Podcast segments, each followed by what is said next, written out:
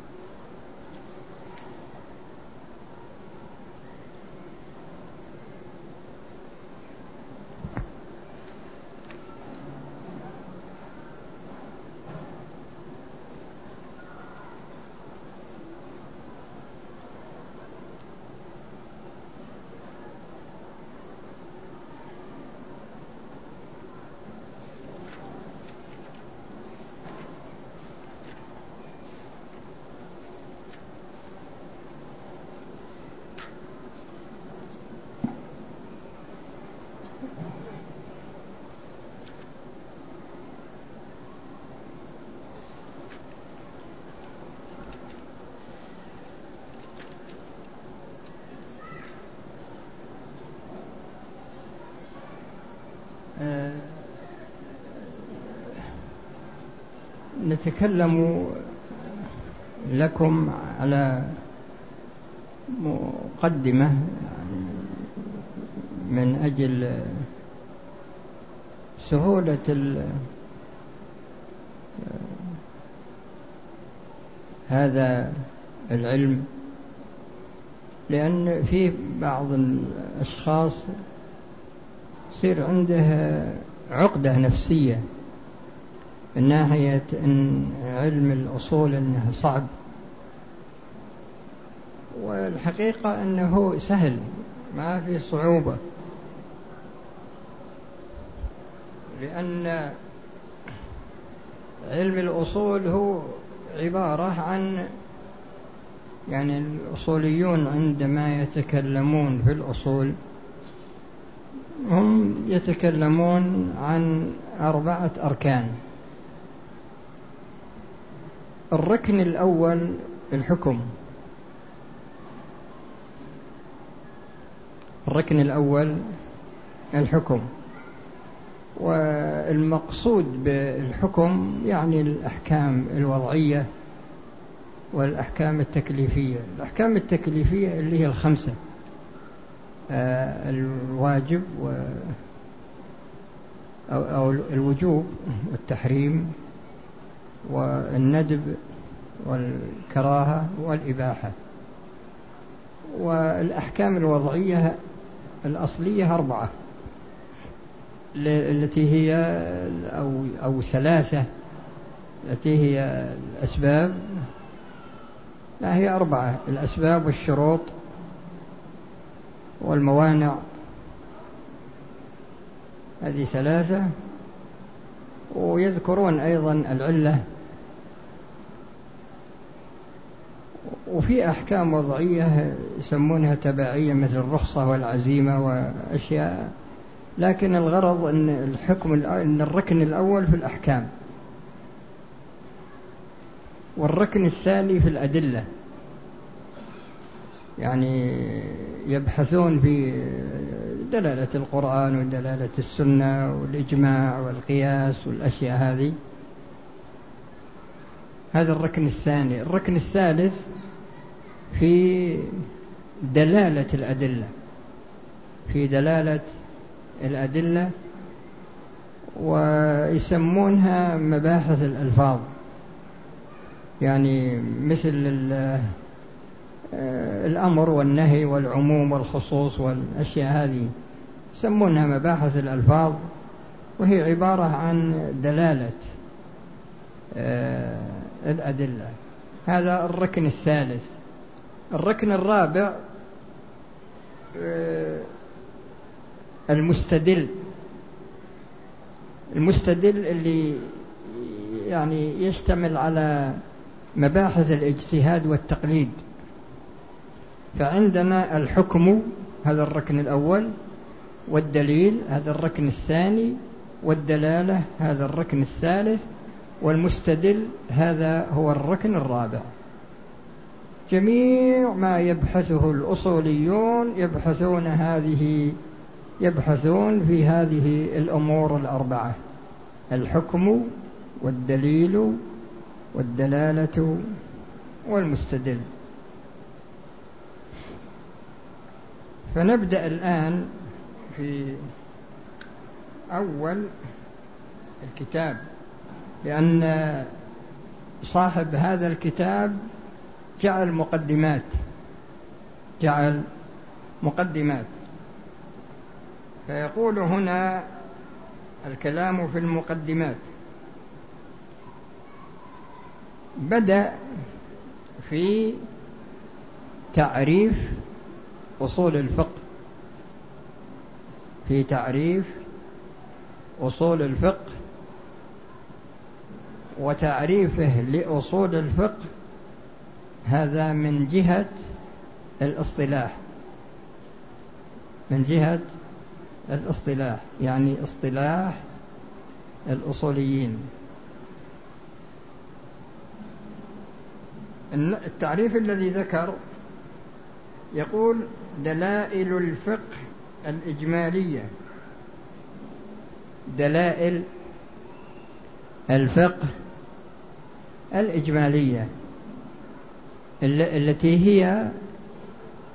آه، القرآن والسنة والإجماع يعني الأدلة الإجمالية هذا تعريف اصطلاحي لأصول الفقه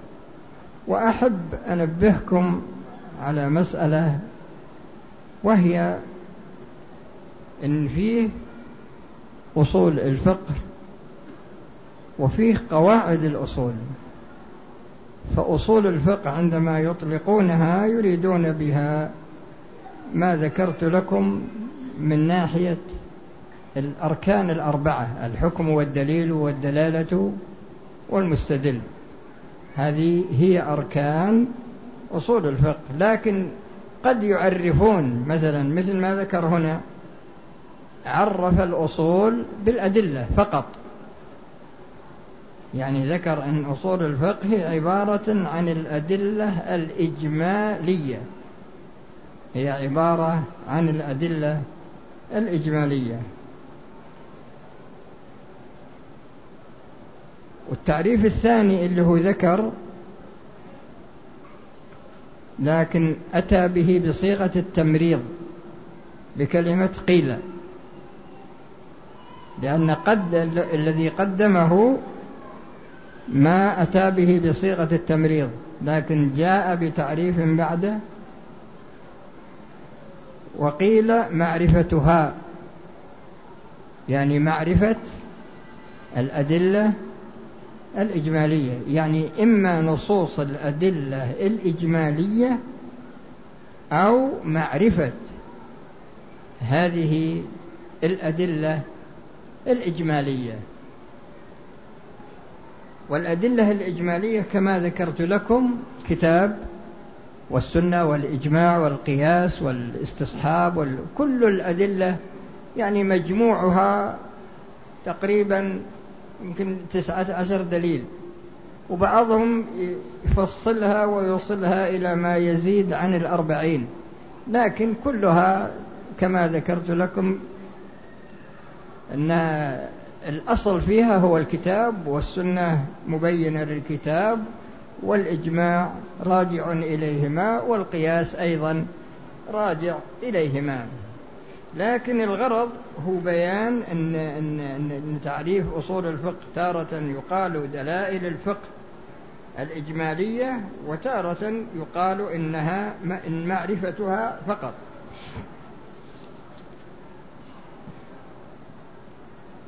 وعلى كل حال لا مشاحة في الاصطلاح هذا بالنظر لتعريف أصول الفقه من ناحية الاصطلاح و وذكر هنا أيضا تعريف الأصول من هو يقول إن الأصول هنا هو العارف بها العارف بالأدلة الإجمالية العارف بالأدلة الإجمالية هذا هو الأصولي يعرف الأدلة ويعرف الاستفادة منها و ويعرف المستفيد يعني يقول ان الاصولي هو الذي يعرف الاحكام ويعرف الادله ويعرف الدلاله ويعرف المستدل يعني منه الشخص اللي يصلح يعني المستفيد منها ما هو المستفيد منها فهذه هذا هو إذا حقق هذه الأمور يصح أن يقال إنه أصولي و وبعد ذلك ذكر تعريف الفقه قال الفقه هو العلم بالأحكام الشرعية العملية المكتسب من أدلتها التفصيلية هذا هو الفقه الآن عندما نرجع إلى كتب الفقه في جميع المذاهب نجد كل مذهب له كتب مدونة له كتب مدونة في الفقه هذا الفقه هذا عندما نعرفه عندما نعرف الفقه نعرفه بهذا التعريف العلم بالاحكام الشرعيه العمليه لان الاعتقاديه هذه من علم العقائد لكن هذا هو العلم بالاحكام الشرعيه العمليه مثل آه، أحكام الطهارة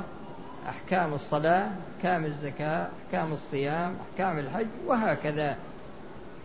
فهذا يقال لكن فيما يتعلق بالتوحيد وما يتعلق مثلا بالإيمان وما إلى ذلك هذا يسمى بالفقه الأكبر والتعريف هنا هذا تعريف للفقه الأصغر الفقه الأصغر الذي هو عبارة عن العلم يعني العلم بأحكام المكلفين العملية المكتسبة من أدلتها التفصيلية مثل ما تكتسب من قوله جل وعلا ولا تقربوا الزنا تكتسب من تحريم الزنا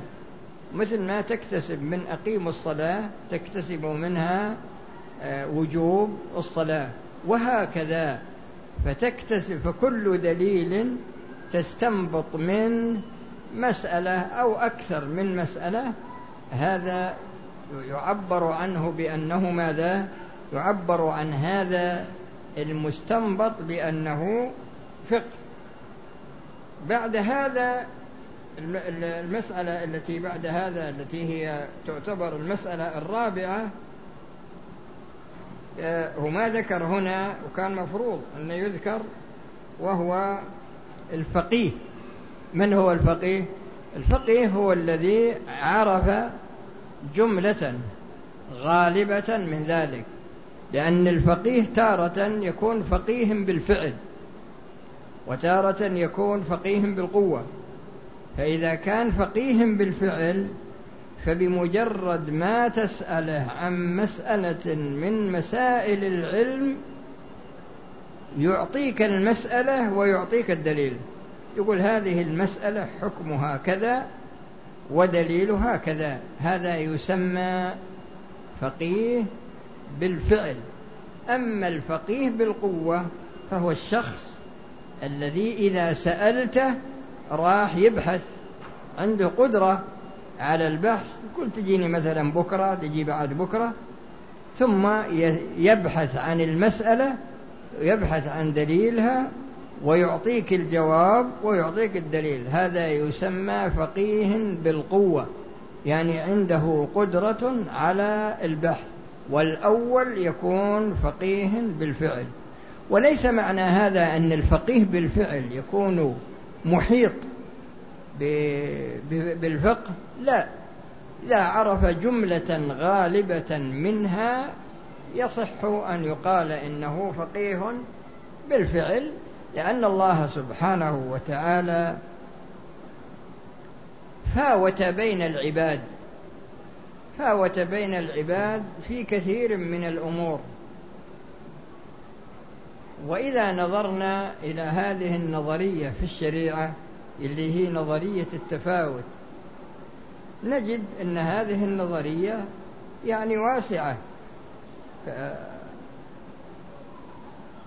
يقول الله جل وعلا ولقد فضلنا بعض النبيين على بعض هذا بالنظر للنبيين وتفاضل الناس في الجنة في الدرجات وتفاضل أهل النار في العقوبات إن المنافقين في الدرك الأسفل من النار ولن تجد لهم نصيرا ففيه تفاوت في العقاب وفيه تفاوت في النعيم هذا في الآخرة وفي الدنيا أيضا يقول الله جل وعلا في في آخر سورة الأنعام هو الذي جعلكم خلائف الأرض ورفع بعضكم فوق بعض درجات ليبلوكم فيما آتاكم ففيه تفاوت في الغناء وفيه تفاوت في العلم وهكذا يعني في نظرية التفاوت أو نظرية التفاضل هذه موجودة كذلك الفقهاء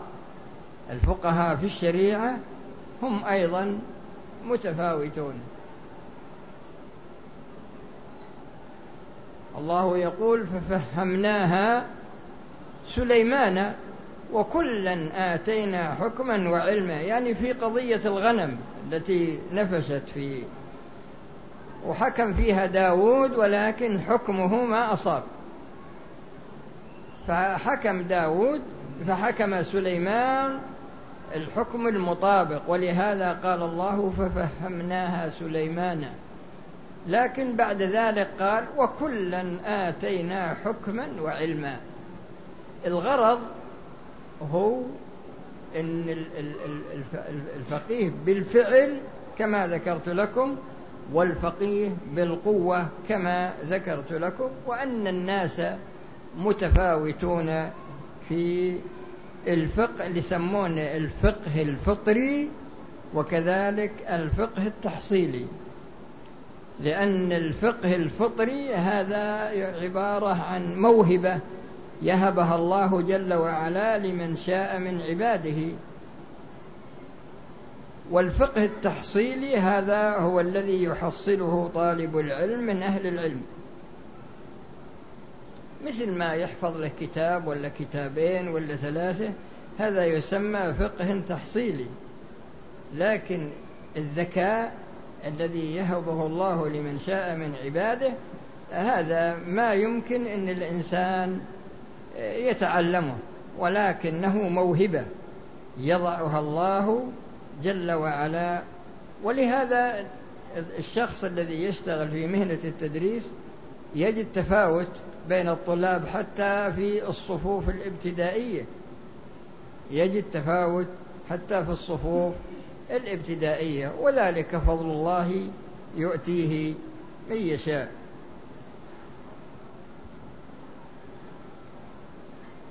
بعد هذا دخل يعني عرف الآن أصول الفقه من جهة الاصطلاح وعرف الأصول من جهة الاصطلاح وعرف الفقه من جهة الاصطلاح الآن بدأ في الركن الأول الركن الأول الذي هو ماذا؟ الذي هو الحكم وسيتكلم على الأحكام التكليفية الواجب والحرام المندوب المكروه والمباح ثم يتكلم على الأحكام الوضعية وهكذا فيكون موضوع الدرس القادم إن شاء الله هو الكلام على الحكم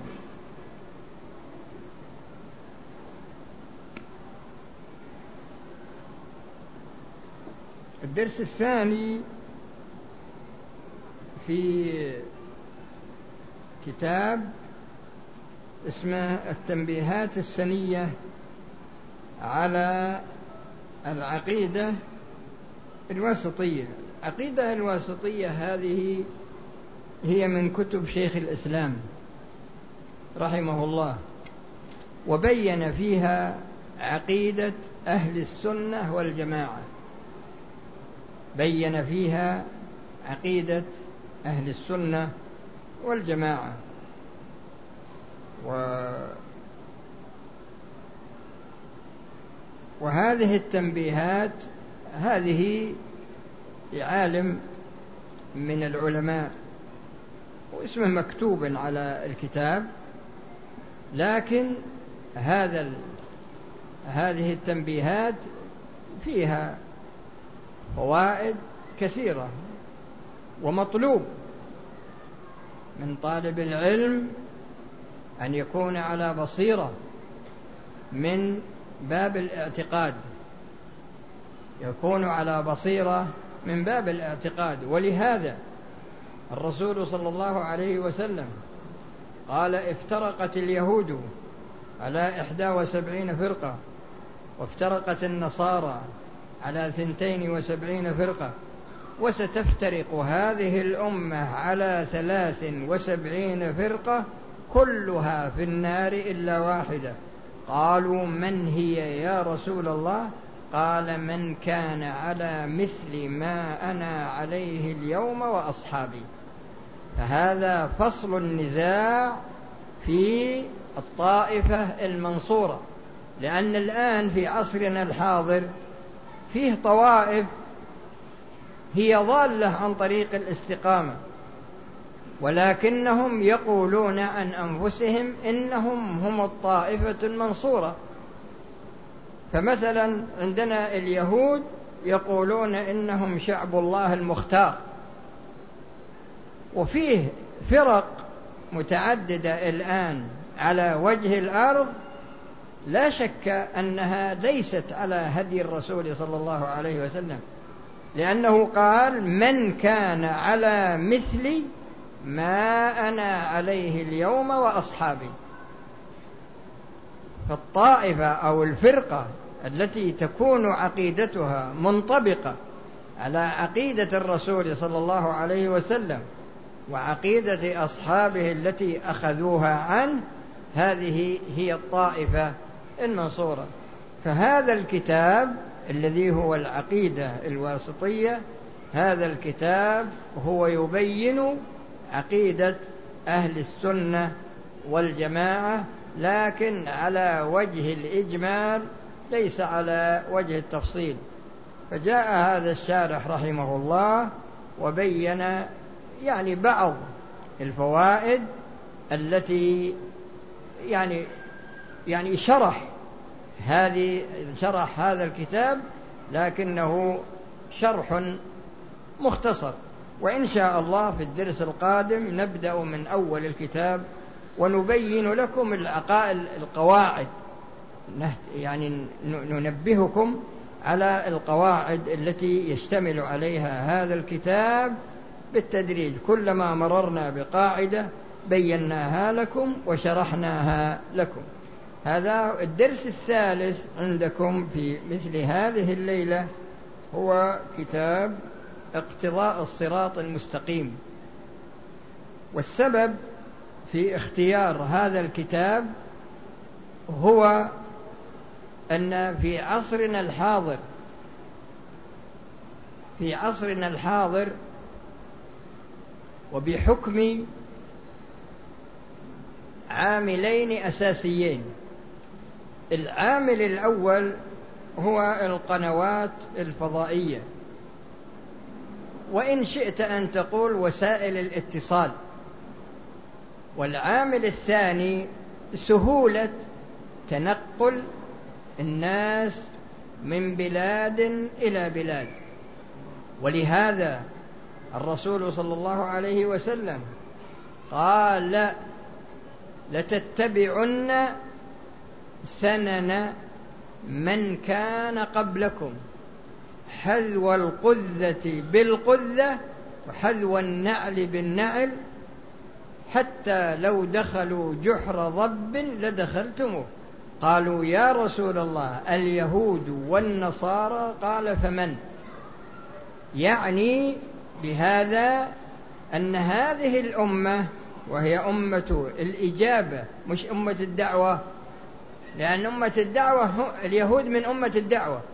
والنصارى من أمة الدعوة جميع أهل الأرض من من بني آدم هم من من من من أمة الدعوة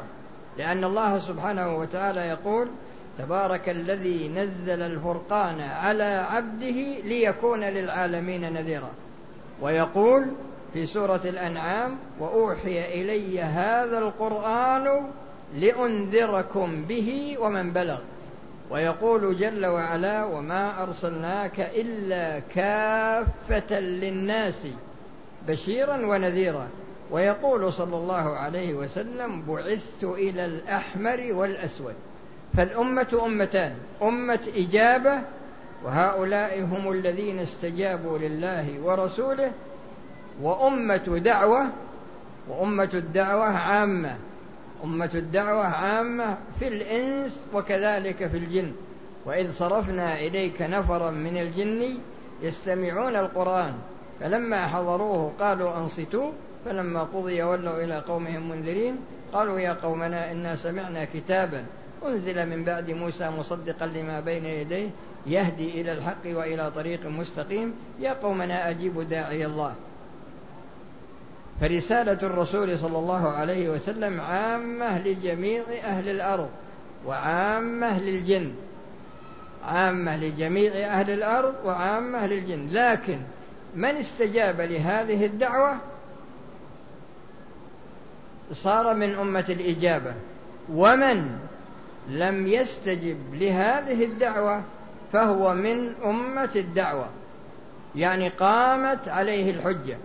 قامت عليه الحجة ولهذا يقول الله جل وعلا في سورة تبارك في أهل النار كلما ألقي فيها فوج سألهم خزنتها ألم يأتكم نذير؟ قالوا بلى قد جاءنا نذير فكذبنا وقلنا ما نزل الله من شيء إن أنتم إلا في ضلال كبير وقالوا لو كنا نسمع أو نعقل ما كنا في أصحاب السعير فاعترفوا بذنبهم فسحقا لأصحاب السعير المقصود أن هذا الكتاب هو يبي يبي يبين فيه أو بين فيه وجوه الشبه بين ما يفعله الكفار وما تفعله يعني ما يفعله اليهود والنصارى وما تقبلته هذه الامه منهم وعملوا بها حتى ان جاء في بعض الروايات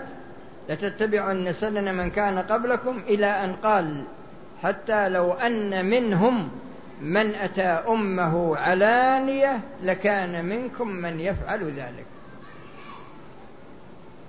فوجود القنوات الفضائية ووجود هذا الاختلاط في الناس وسهولة التنقلات هذان عاملان أساسيان فيه عامل أيضا مهم جدا وهو إن فيه كثير من الناس ما عنده حصانة دينية ما عنده حصانة دينية بمعنى أنه مستعد يتقبل مستعد يتقبل ولهذا يقول الرسول صلى الله عليه وسلم ليس منا من تشبه بغيرنا من تشبه بقوم فهو منهم فهذا الكتاب هو يخدم هذا الجانب يعني ياتي بمساله يأتي بمسألة موجودة عند اليهود موجودة عند النصارى هذه الأمة عملت بهذه المسألة مع أن هذه المسألة محرمة مع أن هذه المسألة محرمة وسيأتي إن شاء الله تعالى بيان القواعد العامة في وجوه الشبه بين يعني بين هذه الأمة وبين غيرها من الأمم كما جاء في هذا الكتاب إن شاء الله في الدروس القادمة في مثل هذه الليلة ونكتفي بهذا القدر وإذا كان عند أحد شيء من الأسئلة يقدمها هذا السؤال الأول يقول ذكرتم أن هناك أصول فقه وهناك قواعد الأصول وتكلمتم عن أصول الفقه ما المراد بقواعد الأصول وما الفرق بينهما أصول الفقه هي عبارة عن الكتاب والسنة والإجماع أما قواعد الأصول فيعب في يعني هي الأمور المست... الأمور الكلية المستنبطة من هذه الأدلة فمثلا عندما تقول الأمر المجرد عن القرائن يقتضي الوجوب هذه قاعدة أصولية وعندما تقول النهي المجرد عن القرائن يقتضي التحريم هذا قاعدة أصولية عندما تقول الأصل في العام بقاؤه على عمومه حتى يرد المخصص